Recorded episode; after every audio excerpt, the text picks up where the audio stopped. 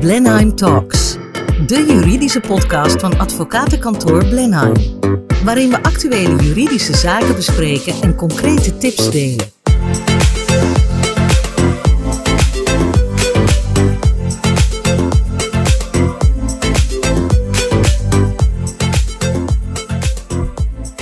Dag, mijn naam is Simon de Graaf en naast me zit Rieke Kramer. Uh, we zijn advocaten bestuursrecht bij Blenheim Advocaat in Amsterdam. En we gaan het vandaag hebben over ondermijning. Ja, goedemorgen Simon. Uh, leuk onderwerp, actueel ja. onderwerp. Um, misschien dat ik daar nog aan toe kan uh, voegen dat ik hiervoor ook jaren bij een grote gemeente heb gewerkt. Dus ik ken zowel het ondernemersperspectief als het gemeentelijk perspectief. recent heb ik een blog geschreven over ondermijning. En misschien ja, nu toch wel de eerste vraag, de belangrijkste vraag. Wat is nou ondermijning? Ja. Best wel een abstract, uh, vrij abstracte uh, term. In de literatuur wordt het wel omschreven als activiteiten, criminele activiteiten die de structuur van een samenleving verzwakken of misbruiken. Hm. Nou ja, nog vrij abstract. Best vaag, ja. ja. precies, precies. Um, nou ja, uh, gemeenten die, die richten zich, misschien wordt het dan wat concreter, uh, onder andere op uh, financieringsconstructies, hm. op um, malafide investeringen in vastgoed en horeca en fraude en witwassen. Hm. Uh, de aanpak van ondermijning door gemeentes is, is vrij nieuw. Um, de vereniging um, Nederlandse Gemeenten is hier ook op ingesprongen en die heeft een handreiking uh, geschreven. APV en uh, ondermijning. en het is best wel, ja, in mijn optiek best begrijpelijk dat gemeenten hiermee worstelen. Ja. Ik denk dat het voor de ondernemer belangrijk is om te weten dat ja, iedere ondernemer hier mee te maken zou kunnen krijgen ja. van ja, uh, noem het maar, uh, van mini-supermarkt tot, uh, tot schoenmaker. Ja, zoals ja, we zullen het zien, hè, dit, dit, wij, soms wordt een hele branche in één keer getroffen of een heel gebied in één keer getroffen. En daar zit natuurlijk van alles en nog wat in. Precies. Ehm, dus ja, de, de, dat vanuit het oogpunt van de gemeente enerzijds, hoe reguleer je dat? Wie wil je nou eigenlijk ermee treffen? aan de andere kant voor de ondernemer. Um, ja, het kan jou ook overkomen. Ook een supermarkt bij wijze van spreken. gewoon een grote, een Aldi. Ja, ja, ja, precies. Um, misschien um, kan jij, uh, Simon, toch uh, ja, ook wat concretere voorbeelden uh, nog noemen ja, van besluiten die recent aan de orde zijn geweest? Ja, ja, ja, ja dat zal ik doen. Um, ja, kijk, misschien is het goed om voordat we met die concrete. Ik zal ze geven, maar voordat we daarmee komen, even te bespreken wat er nou. Waar we nou eigenlijk over hebben. De ondermijning is vrij vaag. Nou, dat, dat hebben we benoemd. Maar welk mechaniek willen wij het over hebben? Waar de gemeentes, burgemeesters als we even precies zijn, het nu, over, eh, nu mee bezig zijn. Um, dat gaat vaak om een aanwijzingsbesluit. Dus dan wijzen ze een heel gebied aan of een hele branche van ondernemers of een combinatie van de twee. Een branche binnen een bepaald gebied, kan allemaal. Um, en dan zeggen ze, jullie moeten een vergunning gaan aanvragen. Willen jullie um, je bedrijf kunnen exploiteren. Dat zijn zowel de zittende als nieuwe ondernemers. Um, dus daarmee kun je inderdaad echt proberen um, om een stroming binnen je gemeente te reguleren. Om te zeggen, een, hele branche bijvoorbeeld, nou, wat we vaak terug zullen zien komen, zijn uh, autoverhuurders. jullie moeten allemaal die vergunning aanvragen en daarvoor moeten jullie door allerlei tests heen. Um, nou, we hebben het er zo nog wel even. We zullen zien dat de mate van precisie, dus gaat het om een branche, gaat het om een gebied of om een branche binnen een gebied, echt heel belangrijk is. Dat is voor de gemeente is dat eigenlijk waar het mee valt of staat al. Uh, en voor de ondernemer, dat bepaalt of jij wel of niet getroffen wordt. Dus dat is, dat is cruciaal. Um, maar goed, die concrete voorbeelden. Ik zei al, de autoverhuurbranche uh, zorgt voor veel voorbeelden. Ik weet niet wat. Kennelijk hebben gemeentes het daar moeilijk mee. Ik weet niet waarom. Um, maar ik kan me er ook wel weer wat bij voorstellen. Um, je hebt voorbeelden uit Heerlen, je hebt uit Rotterdam, maar ik ga even in op Tilburg. Dat is namelijk een vrij recente. Ja, het aanwijzingsbesluit, dus besluit waarmee ze zeggen de autoverhuurbranche in heel Tilburg, want daar hadden ze het over, die is al wat ouder.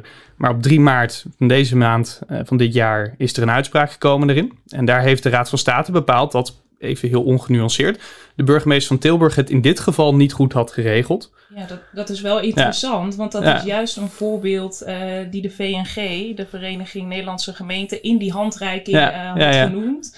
Daar staat, ja, jij zal het ook gelezen hebben, daar staat zelfs in uh, dat de beroepsprocedure, nou ja, dat was goed afgelopen voor yep. de burgemeester van Tilburg. en nu inderdaad heel recent op 3 maart de uitspraak van de afdeling. Ja, ja, de rechtbank had nog gezegd, nu is het goed in Tilburg. Het, gaat, het, uh, het, het, verliep goed. En toen bij de afdeling kregen ze in één keer te horen, oh toch niet. Dus dat, dat, dat is vrij vreemd. Dat laat ook zien dat dit ingewikkeld is. Hè? Dat zelfs de rechters er verschillend over kunnen nadenken. En ja. nu is het eindoordeel dat het in Tilburg dat, die keer niet goed was gegaan. En begrijpelijk dus ook dat gemeenten ermee ja. mee worstelen. Ja, zeker. Die, die zitten een heleboel haken en ogen aan die uh, soms tijdens een politieke besluitvorming die voorafgaat aan dit hele bestuursrechtelijke traject, die kun je eigenlijk nog niet echt op dat moment. Of je moet daar heel erg bij de pinken zijn. Uh, dat is heel lastig. Uh, maar goed, in Tilburg werd door de burgemeester de autoverhuurbranche dus aangewezen. Uh, die moesten allemaal vergunning gaan aanvragen. Um, en dat was dan kortweg omdat die branche veel negatieve invloed zou hebben op de leefbaarheid, de openbare orde en de veiligheid. Uh, nou, aan die uitspraak zijn wat mij betreft drie interessante dingen. Ten eerste, de burgemeester heeft duidelijk aangegeven welke doelen met de aanwijzing worden nagestreefd. Ze hebben gewoon gezegd, dit willen we bereiken ermee. Dat gebeurt niet altijd, maar nu wel. Twee, de autoverhuurbranche die tegen de aanwijzing opkwam, haalde de dienstrichtlijnen bij. Nou, daar moet ik het natuurlijk over gaan hebben.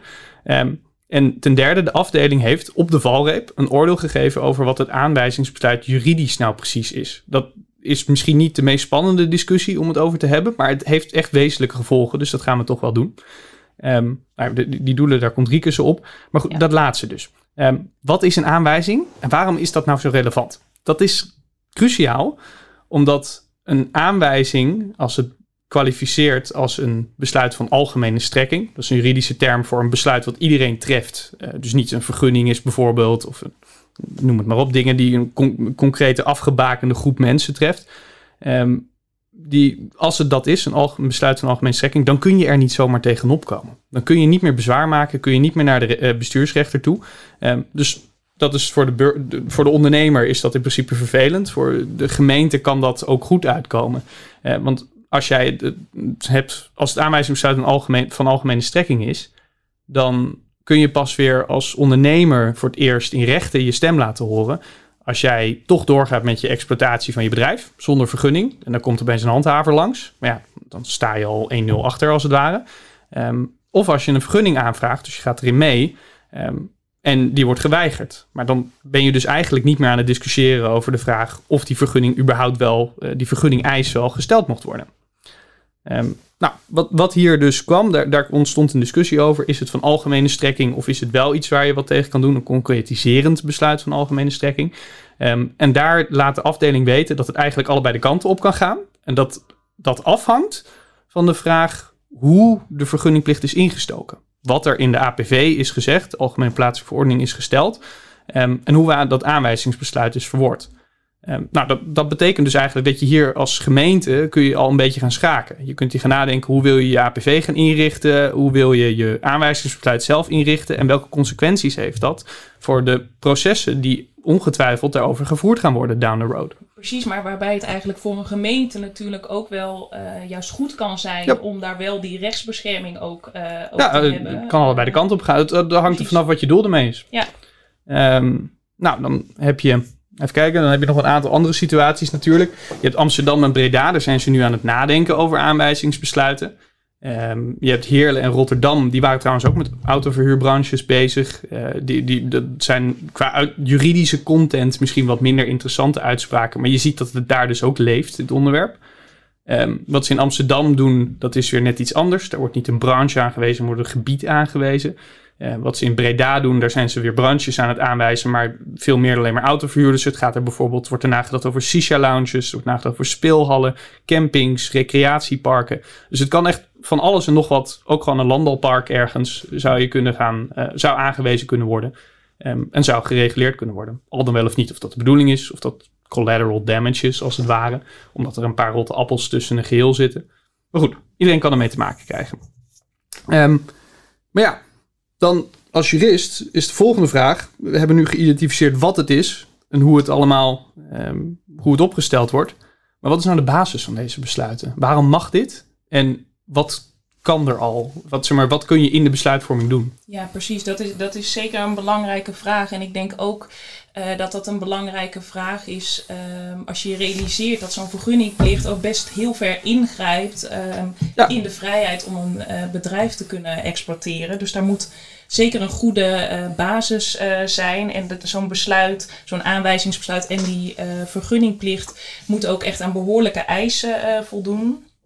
Uh, nu is het zo dat het voorkomen van uh, criminaliteit, dat valt uh, in principe onder de openbare orde taken van een burgemeester. Um, dat, dat, staat in uh, 172 en 174 gemeentewet. Okay. Maar wat daar wel nog een uh, belangrijke nuance bij is, uh, dat dat eigenlijk moet gaan om criminaliteit die de openbare orde verstoort. Ja, dus een soort koppeling gemaakt. Het is niet alleen maar, we Precies. gooien het onder de het noemer openbare orde, maar er moet ook echt wat gebeuren. Precies, er moet ook echt wat, wat gebeuren. En als je bedenkt dat het bestrijden van criminaliteit, dat is natuurlijk echt iets wat bij politie ja. en justitie ja. ja. Uh, hoort. Dus dat, dat moet wel duidelijk uh, afgebakend uh, zijn. de Raad van State die heeft in april 2019 ook een advies uitgebracht over de aanpak van ondermijning. Een advies okay. aan, de, aan de minister. Um, waar ook duidelijk uit volgde dat de Raad van State geen uitbreiding van bevoegdheden voor de burgemeester zag. Hm. En juist dus de nadruk legde op samenwerking tussen de burgemeester, politie en justitie omdat die binnen, uh, binnen de, die openbare orde uh, pakket uh, ja, hun eigen, of nou ja, eigenlijk moet zeggen binnen het tegengaan van criminaliteit hun eigen um, aanpak en hun eigen afdeling hebben. Hm. laat ik het zo zeggen.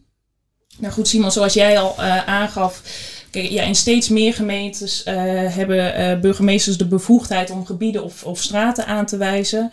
Uh, waar het dan verboden is om zonder vergunning bedrijfsmatige activiteiten uit te oefenen. En een burgemeester die mag alleen van die bevoegdheid gebruik maken als het noodzakelijk is. Um, dus ja, er moet, een burgemeester moet echt onderbouwen dat er sprake is ja. van ondermijning. Um, en dat kan ja, door middel van politierapporten, adviezen die de burgemeester uit zijn eigen organisatie uh, krijgt. Maar vaak moet dat echt wel een heel dossier uh, inhouden. Dat zagen we ook um, in die zaak in Tilburg ja. natuurlijk, waar het eigenlijk onvoldoende uh, gemotiveerd was. Um, daarbij moet die uh, vergunningplicht ook ja, kunnen bijdragen aan het tegengaan uh, van ondermijning. Het moet dus effectief zijn. En daarbij moeten uh, burgemeesters ook bedenken wat, wat de eventuele neveneffecten kunnen zijn van zo'n besluit. Ja. En dat wordt wel, um, dat zie je in, in, verschillende uitspraken terug, het waterbedeffect genoemd. Ja. Kijk, ja, stel je voor, je wijst een aantal straten aan in het centrum waarvan je um, aannemelijk hebt gemaakt dat daar uh, ondermijnende ja. activiteiten Dik rapport, goed onderbouwd. Ja. Precies, maar ja, wat dan? Dan kan het natuurlijk zomaar zijn dat die activiteiten net een paar straatjes verder uh, gewoon weer vrolijk uh, ja. verder tot ontplooiing komen. Dus dat is echt wel iets wat je in je besluitvorming mee moet nemen. En wat natuurlijk geldt voor overheidsoptreden is dat het evenredig en proportioneel moet zijn. Ja. Ehm, redelijk technische uh, termen misschien. Ja, maar het, is, het voelt ook wel intuïtief af natuurlijk, hè? Ja, ja precies. Maar um, waar het dan eigenlijk om gaat, is dat bij de invoering van zo'n vergunningplicht uh, een belangenafweging uh, moet worden gemaakt. Alle omstandigheden en belangen uh, moeten afgewegen, afgewogen worden en die moeten in goede verhouding staan tot dat doel. Ja die aanpak van uh, ondermijning. De gemeente mag dus niet kosten wat kost een vergunningplicht uh, opleggen. Er moet bijvoorbeeld ook uh, gekeken worden naar minder vergaande maatregelen. Ja.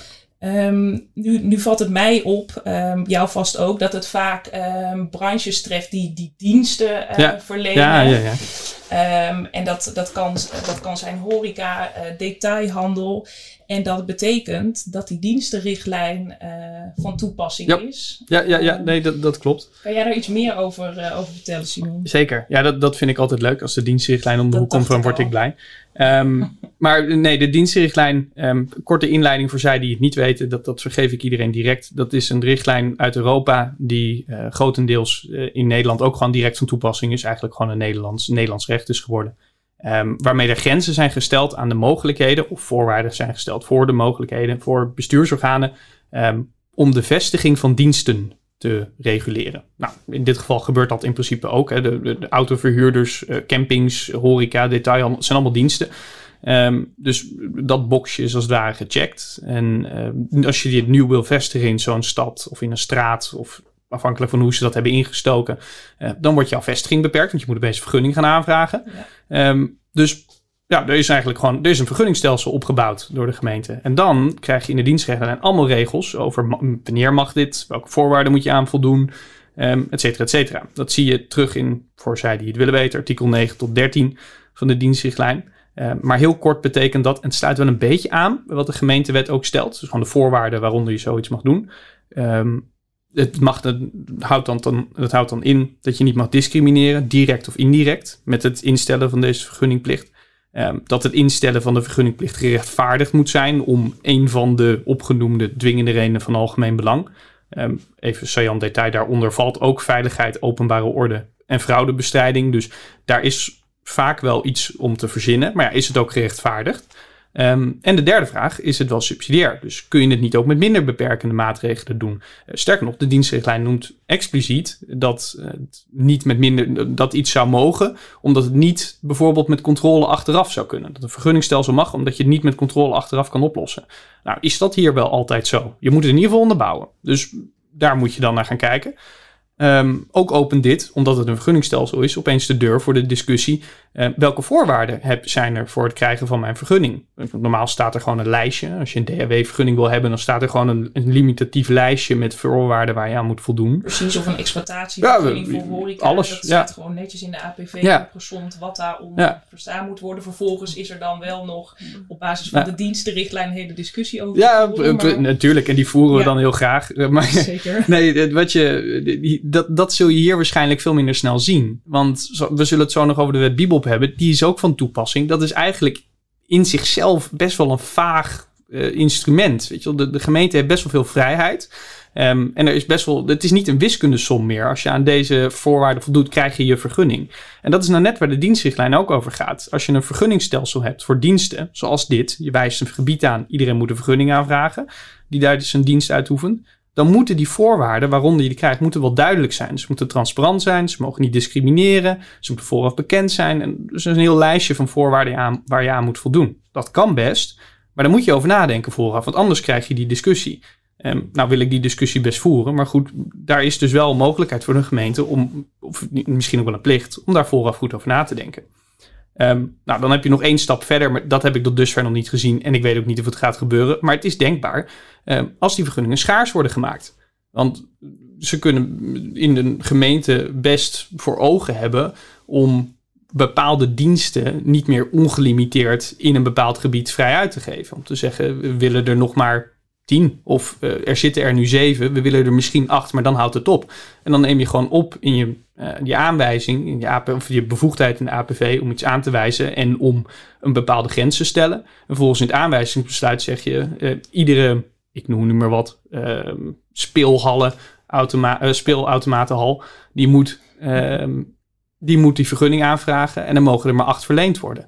Nou ja, dan komen er nog veel meer leuke dingen uit de dienstrichtlijn om de hoek, want, om de hoek kijken. Want dan moet je opeens een verdeelsystematiek gaan opstellen. Je moet een transparante verdeling weten te waarborgen. Hè. Misschien moet er wel een notaris aan te pas gaan komen. Daar kun je procedures over gaan voeren. Mag je iets wel zomaar schaars maken? Is dan ook een vraag die de kop op de ja, opkop en, opsteekt. En dat alles volgens mij om die vrije markt uh, ja, te waarborgen precies. en te beschermen. Ja, om dienstenverrichters de mogelijkheid te houden om zich behoorlijk te vestigen om op een plek. diensten te kunnen laten verrichten. Ja, dus dat zijn allemaal vragen. En dat hangt er wederom maar net vanaf hoe het is ingestoken in een concrete zaak. Maar dat zijn allemaal vragen die uh, zullen gaan spelen. En in ieder geval dat begin. Dus is het wel gerechtvaardigd en is het wel subsidiair? Dat, dat gaat hoe dan ook altijd een discussie worden. Um, maar goed, ja, daarmee zijn we.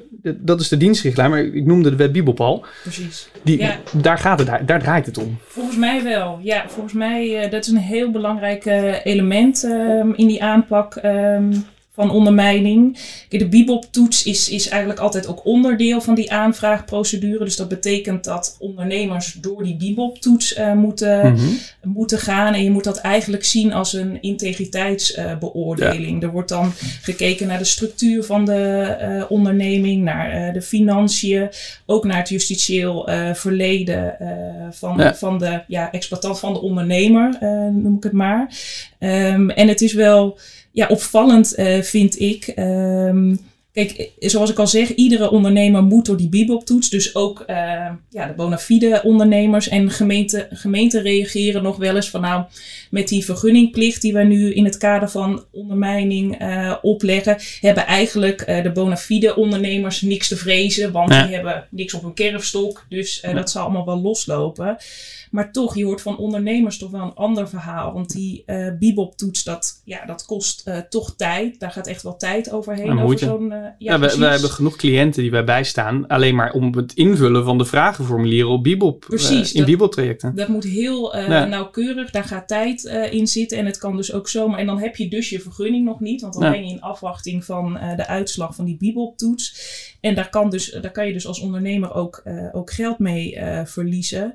En wat je ook wel hoort van ondernemers, kijk, ondernemers die een paar jaar geleden een scheve schaatsen hebben gereden.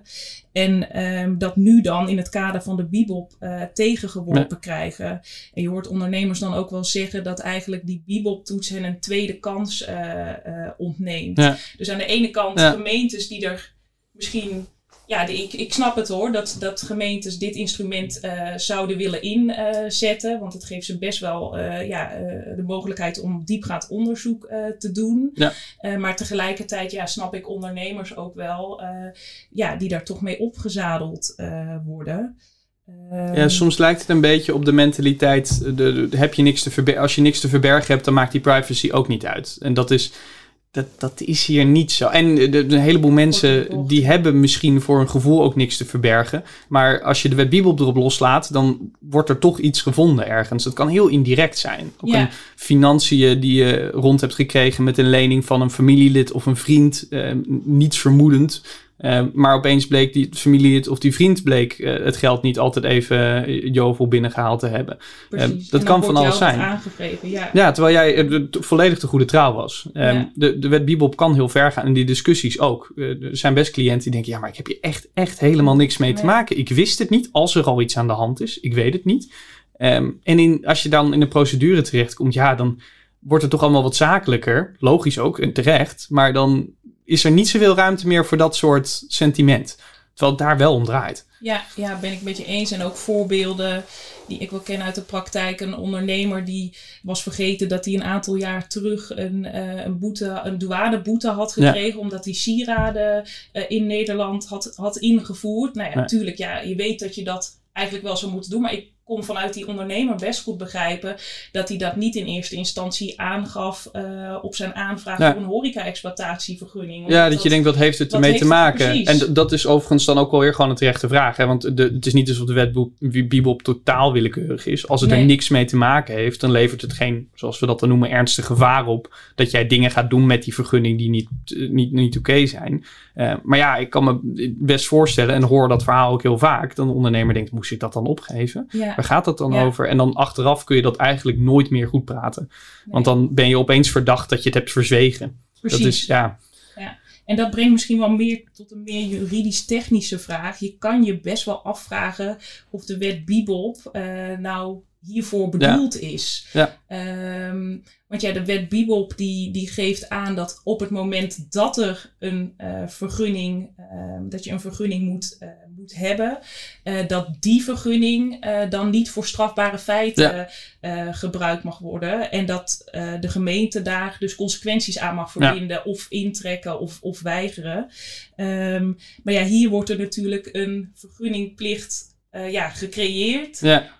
En daar wordt dan vervolgens de ja. bibop. Het mag, het mag volgens ja, mij. Maar, het ja. mag. En je kunt denken, elke vergunningsplicht is ooit een keer gecreëerd. En dat de wet bibop nou later is gekomen dan de standaard bibop vergunningplichten. Uh, en deze nu, nu de vergunningplicht nog wordt verzonnen en daar de bibop. Dat is misschien nog niet eens zo'n probleem.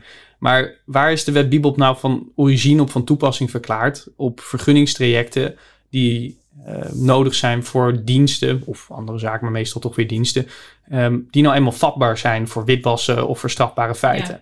Ja. Um, niet, daarmee niet zeggende dat dat daar altijd gebeurt, maar het risico is nou eenmaal wat groter. Um, dus daar moet je echt inzoomen op welke ondernemer heb ik nou voor me. Nou, dat, ja. daar, daar zitten bijvoorbeeld speelautomaten, hallen zitten daartussen. Daar horeca. gebeuren horeca, bouw, grote uh, vastgoedtransacties. Daar wordt nou eenmaal veel geld witgewassen. Dus daar moet je naar kijken om ervoor te zorgen dat je het kool van de kaf scheidt. Um, dus ja, dat, dat, um, dat ze dat nu ook van toepassing willen verklaren op anderen, dat is op zich nog niet zo'n probleem. Maar je moet je wel steeds afvragen: is dit nou echt waar die voor bedoeld is? Is dit zo'n categorie waar de wet Bibop nou echt geschikt voor is? En als je het dan hebt over een gebied, nou dan wordt die vraag natuurlijk al helemaal Ja, gekker. Want dat dat alle dat zijn alle ondernemingen Ja. in een gebied. En eh, wie zegt nou dat in. eh, volgens mij is in Amsterdam er nu een afweging om een viertal straten aan te wijzen. Maar daar zit het natuurlijk, daar zit van alles. Er zitten ook kappers. Er zitten ook. En daar is de Bibel nooit voor geschreven. Ja. Ehm, dus ja, dat, dat is een vraag die je zelf elke keer weer moet stellen. En dat is dus ook een vraag. En de discussie die daaruit voortvloeit, ehm, die de gemeente kan meenemen op het moment dat ze met de besluitvorming bezig zijn. Als ze aan het nadenken zijn over het aanpassen van de APV, of als ze aan het nadenken zijn over ehm, het vormen van het daadwerkelijke aanwijzingsbesluit. Daar kun je met al die aspecten waar we het nu over hebben gehad, de motivatie van het geheel, ehm, maar ook de motivatie van de wet Bibop en de motivatie van dus hoe komt dit door de dienstrichtlijn heen, hoe past dit binnen het kader van de gemeentewet, daar kun je allemaal rekening mee houden en een heleboel ondervangen. Afhankelijk van wat je wil bereiken, het kan alle kanten op, maar dat, dat traject, dat, dat moet echt zorgvuldig verlopen. Ik denk dat dat een beetje de overkoepelende boodschap is van dit alles. Aan de ene kant voor de gemeentes, ehm, denk echt goed na in alle verschillende stappen voorafgaand aan die aanwijzing. Ehm, haal daar dus noods advies bij. Ehm, voor de ondernemers weet dat als je opeens geconfronteerd wordt met zo'n aanwijzingsbesluit, zelfs al is het maar een boodschap dat ze zeggen, we gaan misschien dit alles aanwijzen, eh, haal er nog niemand bij. Dit is ontzettend ingewikkelde materie en het kan verstrekkende gevolgen hebben voor je onderneming. Ja. ja, ik denk inderdaad om tot een conclusie te komen dat voor beide kanten geldt, voor de ondernemer en eh, de gemeente. Ben zorgvuldig en Ja. blijf eh, kritisch. Ehm, onderneming of ondermijning is een abstracte term, eh, kent veel vormen en is een ontwikkeling. Eh, Zo'n vergunningplicht, zoals we gezegd hebben, ja, dat grijpt heel ver in, eh, in de mogelijkheid om een eh, bedrijf te exploiteren. Dus ja, kritische vragen moeten gesteld worden. Is er sprake van ondermijning? Wie of wat wordt er eh, ondermijnd? Welk doel heeft de vergunningplicht? Is dit een zuiver doel? Welk effect en welke neveneffecten heeft, zo'n, heeft de vergunningplicht? Ehm, is het instellen van die vergunningplicht überhaupt noodzakelijk om het doel te bereiken? Eh, zijn er minder verstrekkende eh, maatregelen mogelijk? Ja, eigenlijk de onderwerpen, de Ja. vragen die we eh, gesteld hebben. En ik denk, eh, nou ja, dat denken we alle twee Ja. wel, dat het laatste woord over de aanpak van niet. ondermijning zeker nog niet gezegd is. Nee, inderdaad. Stay tuned. Dit was Blenheim Talks, de juridische podcast van advocatenkantoor Blenheim. Wil je meer weten over het onderwerp of heb je andere juridische vragen? Neem dan contact op via onze website of stuur een bericht naar mail@blenheim.nl.